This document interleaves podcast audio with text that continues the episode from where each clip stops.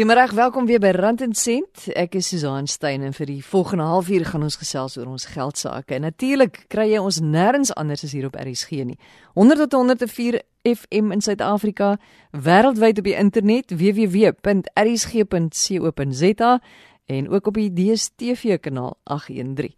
Voordat ons begin, wil ek net sê dankie aan Eleanor, sy is 'n luisteraar wat geskryf het en gesê sy het geweldige probleme gehad met 'n uitbetaling aan haar deur die werkloosheidsversekeringsfonds. Ons het daartoe in kontak met Andrius Roos gesit. Hy is 'n toesighouer van die inbelsentrum by die fondse hoofkantoor in Pretoria en het so 'n paar weke gelede aan die program deelgeneem. En Eleanor het laat weet Andrius kon haar help. So Andrius baie dankie. En Eleanor, dankie dat jy vir ons laat weet. Dankie ook aan al die ander luisteraars se briewe en e-posse wat ingekom het, die navrae wat julle rig en die voorstelle wat julle maak. Onthou ons e-posadres hier op RSG Rand en Sent is rsgrandencent@gmail.com. rsgrandencent@gmail.com. En ons program gaan nou juis vanmiddag weer oor 'n voorstel of 'n vraag eintlik van 'n paar luisteraars. 'n Tyd gelede het 'n kenner van edelgesteentes op RSG gesels daaroor en toe sê die luisteraars: "Doen asseblief navraag oor die beleggingswaarde van juwele en sommer kuns ook." So ons gaan nou vandag kyk, is dit 'n goeie idee om in juwele en edelgesteentes en kuns te belê? En kan enige iemand dit doen of is dit net iets wat nou uitgesonder word vir die heel rykes? Ek het 'n draai gaan maak die week vroeër die week by twee mense. Een is Dr Petri Prins, hy is die eienaar van Prins and Prince hier in Kaapstad. Hy dit is 'n juweliersonderneming en ook by Johans Borman, hy's 'n kunshandelaar in Nieuweland. En eerstens wou ek by Petri weet, is dit 'n goeie idee om in diamante en edelgesteentes te belê? Wel, Susan, jy moet onthou juwele en diamante word nie altyd gekoop as 'n belegging nie. 90% van die juwele word gekoop vir dekorasie, vir mooiheid en as 'n simbool van verbintenis en so aan. As jy praat van 'n belegging, dan is dit normaalweg iets wat gekoop word om weer vinnig verkoop te word met 'n winsmotief. Nou met edelstene, diamante en juwele en so aan, kom jou dividende eintlik in die feit dat jy dit gebruik het, dat jy dit geniet het en gewaardeer het. En min items kan 'n mens vir dekades lank gebruik en dan dit op die einde verkoop en nog steeds jou waarde terugkry, jy weet. So ja, mens kan sekerlik sien diamante en goud mag dalk vir party mense nie belegging wees nie omdat hulle dit nooit gaan verkoop nie. Maar dan kry hulle hulle dividend uit die plesier daarvan. En dan miskien die boedel en die kinders kan dit een of ander tyd verkoop, jy weet. As iemand 'n steen na jou toe bring, sê nou maar die persoon het dit geërf of die persoon het dit persent gekry en 'n jaar of 10 later besluit jy jy wil dit nie meer hê nie. Hoe 'n goeie belegging is dit dan of hoe goed is die wins wat jy dan daarop sal maak? Kyk, wat 'n mens moet besef is en dit is ook maar die geluk vir al in ons land is dat diamante, edelstene, ek praat van rubyne en safiere, goud selfs word in dollar geprys. So dis 'n internasionale kommoditeit en soos wat die rand verswak, raak die prys maar net in ons land baie duurder. So mense kan diamante en goud en, en edelstene beskou as 'n stoor van waarde. Dis 'n 'n teenvoeder vir inflasie. En as mens dink hoe die rand verswak het en sekerlik nog in die toekoms gaan verswak, kan 'n mens dan sekerlik glo dat die prys van diamante in Suid-Afrika baie sal styg in die toekoms nog. Diamante en en edelstene word ook oor die res van die wêreld gekoop nie net as 'n inflasie teenvoorder nie, maar ook om uh, waarde te skuif want dit is so 'n klein dingetjie wat jy kan wegsteek en enige plek in die wêreld kan verkoop. Spesifiek diamante wat maklike 'n mark vind enige plek in die wêreld. So dit is ook 'n 'n ander rede hoekom mense baie dikwels diamante koop is om om maar van hulle waarde te skuif tussen kontinente. Watter stene is die beste belegging? Is dit maar diamante? Ja, ja, seker sekerlik diamant is maar die mees bekendste. Dit is ook die grootste wêreldmark. Dit wil sê dis die maklikste om dit te verkoop. Edelstene soos rubyne, safiere, smaragde, hulle is die mark is nie so groot nie en is ook 'n bietjie meer kompleks. En daarvoor het 'n mens definitief 'n goeie handelaar nodig om dit aan te skaf of te verkoop, maar diamante is relatief eenvoudig. Uh, daar bestaan 'n internasionale dollarprys wat genoem word die Rappaport prys. En dit is as jy mens weet watter kwaliteit diamant jy mee werk, dan is dit relatief maklik om uit te vind wat sy internasionale groothandel dollarprys is. En dan maal jy dit met die die randwaarde en dan kry jy sy randwaarde. Maar as ek nou geldjie het wat ek nou wonder waar gaan ek dit nou wegsit want ek wil dit spaar, ek wil dit nie graag uitgee nie. En ek dink, ja, ek gaan na die bank toe of ek gaan na een of ander beleggingsmaatskappy, maar nou luister jy miskien vanmiddag en jy dink, "Haai, miskien kan ek dit in 'n diamant belê." Wat wat sê jy vir so iemand sê? Wel, mense moet dan eh, eh, 'n uh, uh, keuse maak. Jy moet besluit wil ek dit hê as 'n suiwer belegging wat ek in die in die kluis gaan wegsteek of wil ek dalk dit dra en gebruik en vir iemand gee as 'n as 'n teken van liefde of wat ook al. So mense moet eintlik besluit watter tipe belegging jy wil maak of vir watter doel die item gekoop word en daarvolgens moet jy dan 'n bietjie advies kry want as 'n mens dit net vir 'n juwelierstuk wil koop, die diamant of edelsteen, dan wil mense dit wel sommer 'n mooi groter gesteen hê. En hy hoef nie noodwendig so skaars te wees nie. Waar die die sogenaamde beleggingsstene is baie dikwels baie rare goed wat uniek is en dalk kleiner is en spierwit is en dalk in 'n kluis lê, jy weet. So dit hang maar af uh, vir watter doele mens dit wil hê. Maar jy het 'n keuse, maar jy het met jy het 'n bietjie advies nodig van jou handelaar. Wie is die mense wat in diamante of edelgesteentes belê? Die, die meeste mans wat hier 'n ring by ons of so koop wil altyd weet of dit 'n belegging is of nie. So almal die mans dink gewoonlik aan 'n belegging terwyl die vroue meer be, bekommerd is oor die hoe dit lyk en die styl en die kleur en so aan. Dit is baie verstaanbaar.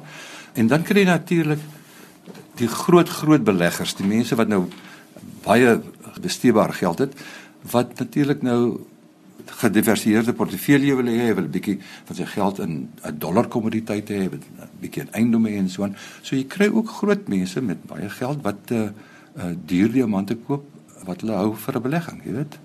Uh, en dan praat ons van jy weet 100 000 tot dalk 2 3 miljoen vir 'n steen. Sou jy sê as 'n mens in diamante wil begin belê, dan moet jy daarom jou jou stene ken of enige ander edelgesteente dat jy jou stene moet ken. Jy moet weet waar waarmee jy besig is. Sekerlik, dit is maar presies dieselfde as 'n mens in enigiets wil belê. My raad aan die jong mense is gewoonlik gaan dan na die internet toe en kry al die inligting wat jy nodig het. Maar soos jy sal weet op die internet hoe dit daar lyk is nie noodwendig hoe dit werklik in die fisiese toestand uh, te voorkom nie. So dit is die beste om jou huiswerk te doen en dan by 'n handelaar uit te kom. Iemand wat 'n goeie reputasie het, wat 'n redelike groot firma is, want hy kan makliker jou diamante terugkoop van jou. Jy weet as jy dit by 'n enkele ander persoon koop, die persoon gaan dit weer terugkoop van jou nie. Maar as jy na 'n handelaar toe gaan wat gedurig moet stene inkoop, dan is dit ook vir soveel keer makliker vir jou om die stene in die toekoms weer te aan hom te kan terugverkoop. Die eerste ding is dat 'n mens 'n bietjie kennis moet hê oor wat uh veroorsaak die prys. Dit wil sê en die prys word gebaseer op die kwaliteit en die rariteit van die steen. En dan moet jy gaan sit en kyk. As dit net vir 'n juweelstuk is, dan moet jy kyk waarvan jy hou. As jy dit nou wil wegsit in 'n kluis, dan moet jy 'n handelaar vir jou 'n bietjie raad gee oor wat hy dink die beste in die toekoms sal wees en hoe maklik hy dit weer sal terugkoop van jou. Uh, dit is daarom as 'n mens 'n edelsteen of 'n diamant wil koop vir 'n belegging, is dit beter om dit te gaan koop by 'n nie by 'n normale juwelierswinkel nie, want hulle het vaste pryse en dit is gewoonlik op 'n klein handelvlak. Maar om by 'n handelaar uit te kom wat gereeld uh met hierdie tipe stene uh hanteer en dit wil sê dit makliker by jou sal terugkoop omdat hy moet in elk geval stene aankoop of hy dit nou by jou terugkoop of die koper, die publiek of hy dit van die fabrieke afkoop, hy moet ergens sy diamante kry. En dis daarom wat dit belangrik is dat 'n mens moet huiswerk doen die dag as jy dit wil verkoop. En die een groot belangrike wenk wat ek wil gee, moet geensins in 'n haas wees om jou diamante te verkoop nie. Want dit is soos met enigiets, as jy vandag jou huis moet verkoop, dan jy enige prys vat wat jy gaan kry. En dit is presies dieselfde. Die mense hou aan met hulle diamante uh, so lank as moontlik. Dis die laaste ding wat hulle wil verkoop. En dan natuurlik storm hulle hier in of by 'n ander handelaar in en dan moet hulle vermiddag die geld hê. Die handelaar mag dalk nie die geld beskikbaar hê nie. Uh so wat moet hy nou gee, jy weet? En daarom verloor die mense baie dikwels en hulle kry nie die werklike waarde van die item nie omdat hulle nie goed beplan met die verkoop daarvan nie. So wat dit beteken 'n mens kan uh 'n steen hou by uh of laat by 'n handelaar wat dit namens jou kan verkoop. Dan hoef die handelaar nie die geld uit te haal nie, maar hy kan ook nie waarborg wanneer hy dit gaan verkoop nie, want hy moet nou wag vir 'n kliënt wat spesifiek daardie steen wil hê. So wie moet liewer glad nie dink daaraan om in diamante te belê nie. 'n Mens wat nog nie 'n huis het nie of 'n motor het nie, wat nie 'n vaste werk het nie. 'n Diamantbelegging is 'n uh, 'n luukse uh wat vir spesifieke mense baie goed sal wees, maar mense moet baie seker wees dit is nie vir enigiemand nie. As jy 'n belegging wil maak in 'n verloofring, dan is dit niks meer verkeerd natuurlik nie. Maar moet nie dink jy gaan dit sommer maklik wil verkoop nie, want dit is nie iets wat mense maklik verkoop nie. So sê Dr Pietri Prins, hy is die eienaar van Prince and Prince. Hulle is 'n juweliersonderneming hier in Kaapstad. Hy het ook verskeie boeke geskryf oor edelgesteentes uh, en dis meer. Ons is besig met Rand en Sent hier op RSG. Ek is Susan Stein en jy kry vir ons 100 tot 104 FM of rsg.co.za of die DStv kanaal 813. Ons praat vanmiddag oor beleggings in kuns en edelgesteentes. Is dit goeie beleggings en vir wie sou dit ideaal wees? Johannes Borman is 'n kunshandelaar in Nieuweland. Ek was vroeër die week by hom en ek het vir hom gevra, "Hoekom sal 'n mens nou juis in kuns belê?" Ek glo die die belegging in kuns is iets wat iemand doen wanneer hulle passievol is oor kuns. Ek spot soms as as mense vir my vra wat ek doen en ek sê ek's 'n kunsthal en dan sê hulle hoe werk dit? Dan sê ek man, dis 'n wonderlike besigheid wat ek deel met verslaafdes. Ek sê dis mense wat passievol is oor kuns, hulle kan hulle nie help nie. Hulle self help nie, hulle moet die volgende kunswerk koop. En ek sien dit as 'n passie en as 'n plesier en dit is hoekom mense dit koop. En dit is hoe ek glo dit behoort te wees. Deur kuns suiwer net as 'n belegging te benader dink ek is nie die regte manier nie. Uh moenie 'n fout maak nie, dit kan 'n ongelooflike goeie belegging wees. Maar ek glo jy belê in langtermyn plesier, jy belê in die passie en in ook in die die stimulasie, die intellektuele stimulasie wat jy uit kunswerke kan kry. Dit gaan nie net oor emosie of oor die stemming, die mood nie. Dit dit daar is sommige werke wat wat baie uitdagend kan wees uit 'n serebrale intellektuele oogpunt uit. En ja, dis hoekom ek glo mense kuns koop of ek dink hulle behoort kuns te koop, nie suiwer net eh, uit 'n finansiële beleggingsoogpunt nie. Maar as jy nou die kontant het, as ons nou praat van harde kontant en jy dink aan ek wil hierdie geld iewers belê, is kuns dan 'n goeie belegging? Die aanvaarde norm uit 'n suiwer beleggingsoogpunt uit is dit jy sal nie te veel van 'n fout maak om ongeveer 10% van jou belêbare kontant in kuns te belê nie. Ek dink enige eh, professionele beleggingsadviseur sal jou altyd daarop wys dat jy moet diversifiseer en nie al jou eiers in een mandjie sit nie. En ek dink dit geld maar as dit of dit nou aandele of eiendom of kuns is, dieselfde beginsel geld. Maar jy, jy kan dit in kuns belê, maar dan gaan jy baie versigtiger moet wees oor wat jy koop en jy sal baie meer ehm um, eksterne advies moet kry. Want jy is nie 'n kenner nie. Soos jy na jou aandele makelaar of beleggingsadviseur of portefeuljebestuurder toe sal gaan wanneer jy aandele koop, gaan jy na 'n erkende en ervare handelaar of adviseur toe moet gaan wanneer jy kuns koop. Maar daar is ook mense wat sê koop kuns vir jou plesier. Ehm um, en vergeet van die beleggingswaarde soos wat soos wat jy ook self sê, maar tog jy moet daai kombinasie kry, iets wat vir jou mooi is, maar iets wat jy weet jy gaan oor 10 jaar kan verkoop. Dit is waar die expert advies inkom of nodig is voor. Want daar is sekere kunstenaars wat daardie potensiaal het. Dit is nie altyd gewaarborg nie. Maar die mees belangrike aspek van beleggingskuns as ek dit so kan stel, veral as jy na jong kunstenaars kyk, is iemand wat met iets unieks vorendag kom en wat oorspronklik is, authentic, autentiek is, wat nie net maar herhaal wat ander mense doen nie. Jy kry kunstenaars wat fantasties tegnies, fantasties goed skilder wat beter kan skilder as sê net maar meesters in die verlede, maar hulle gaan nooit beleggings wees nie want hulle het nie iets nuuts gedoen nie. Dit is die die kunstenaars wat dit reg kry om met iets nuuts vorendag te kom en daar as gevolg daarvan word hulle gesog en geag as goeie kunstenaars en bly hulle belangrik in die toekoms uit uit 'n kunshistoriese oogpunt soos William Kentridge wat begin het met sy animated films as hy net sy sketse gedoen het was hy nie so beroemd en, en gesog soos hy vandag is nie. Baie mense sien dit as 'n soort van elitistiese ding. Jy weet, dit is net mense met baie geld wat daarin kan belê. Is dit so kan die gewone mens ook maklik belê in iets wat vir hom oor 10 of oor 15 jaar iets werd gaan wees? Ja, mens kan. Om William Kentridge weer as 'n voorbeeld te gebruik in die vroeë 90's toe hy nog glad nie beroemd of be so bekend was nie. Kon jy van sy groot etse koop uit so 'n reeks met koppe gedoen.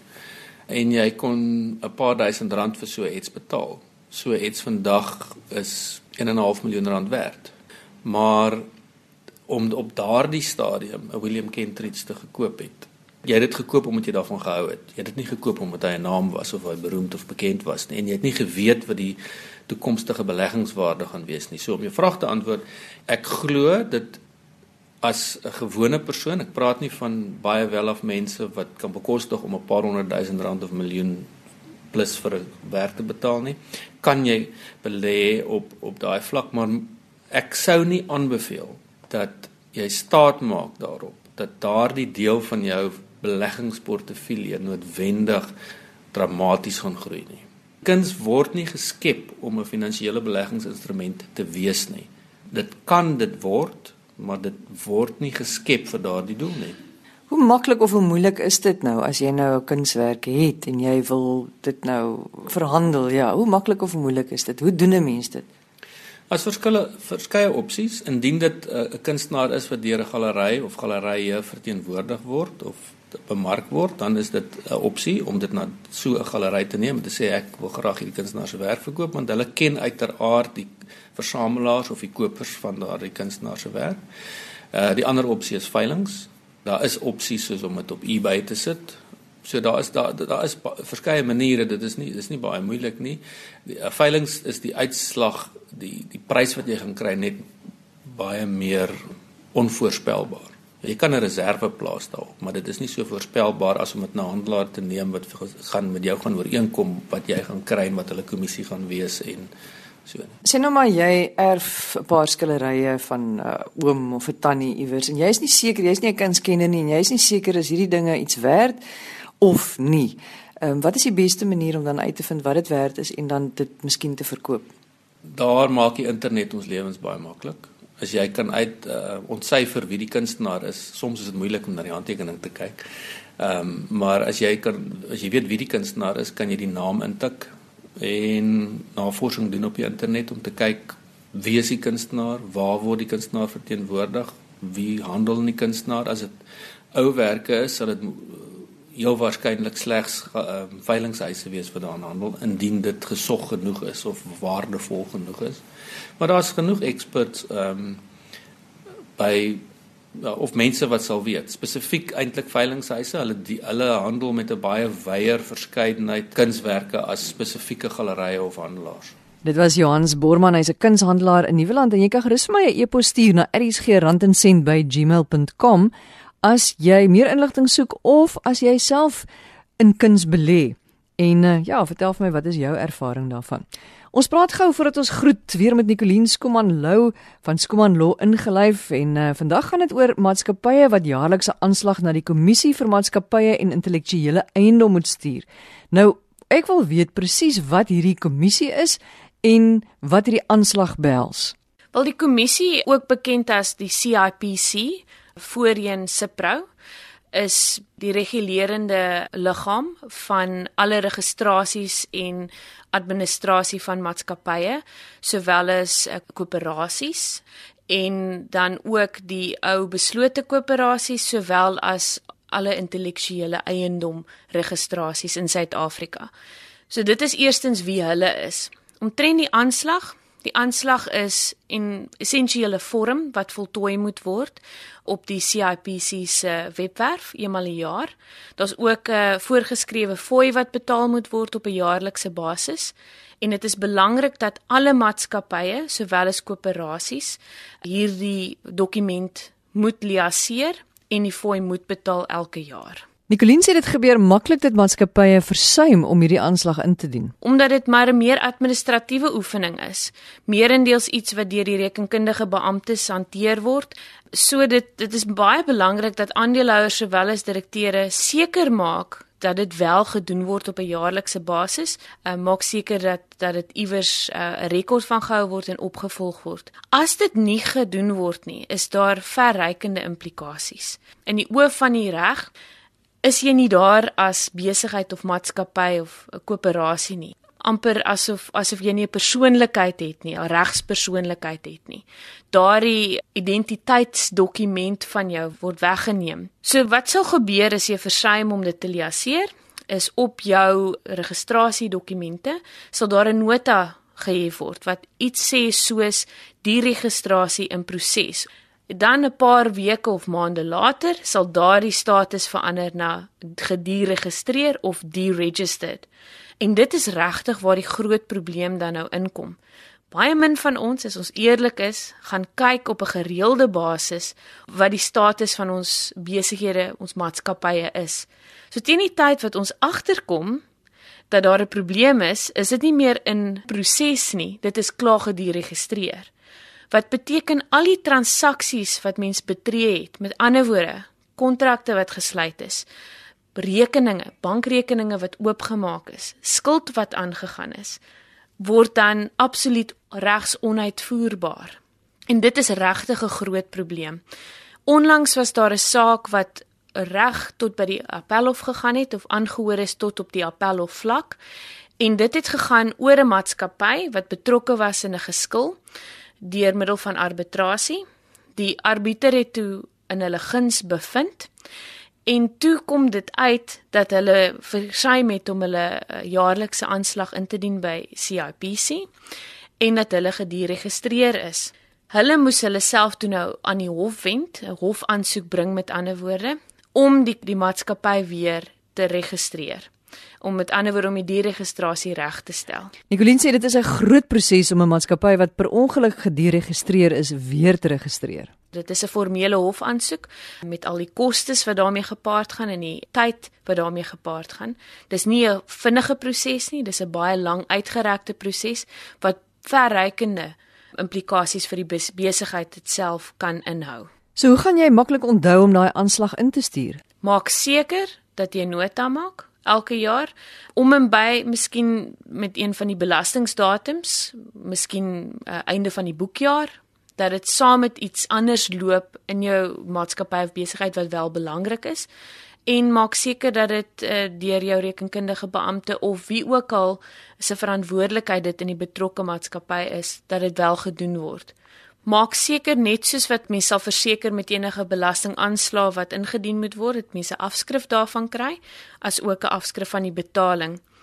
Maak seker dat die betaling direk aan SARS of CIPC wat ook al die geval mag wees gemaak word. Dit is nou maar net 'n wenk gebaseer op ongelukkigheid wat wat ander getref het. Nicoline sê ook dat wanneer jou maatskappy gediregistreer is, jy nie eintlik kan aangaan met verdere handel dryf nie. En dit is 'n groot probleem want in die oë van die reg bestaan die maatskappy nie eenvoudig gestel.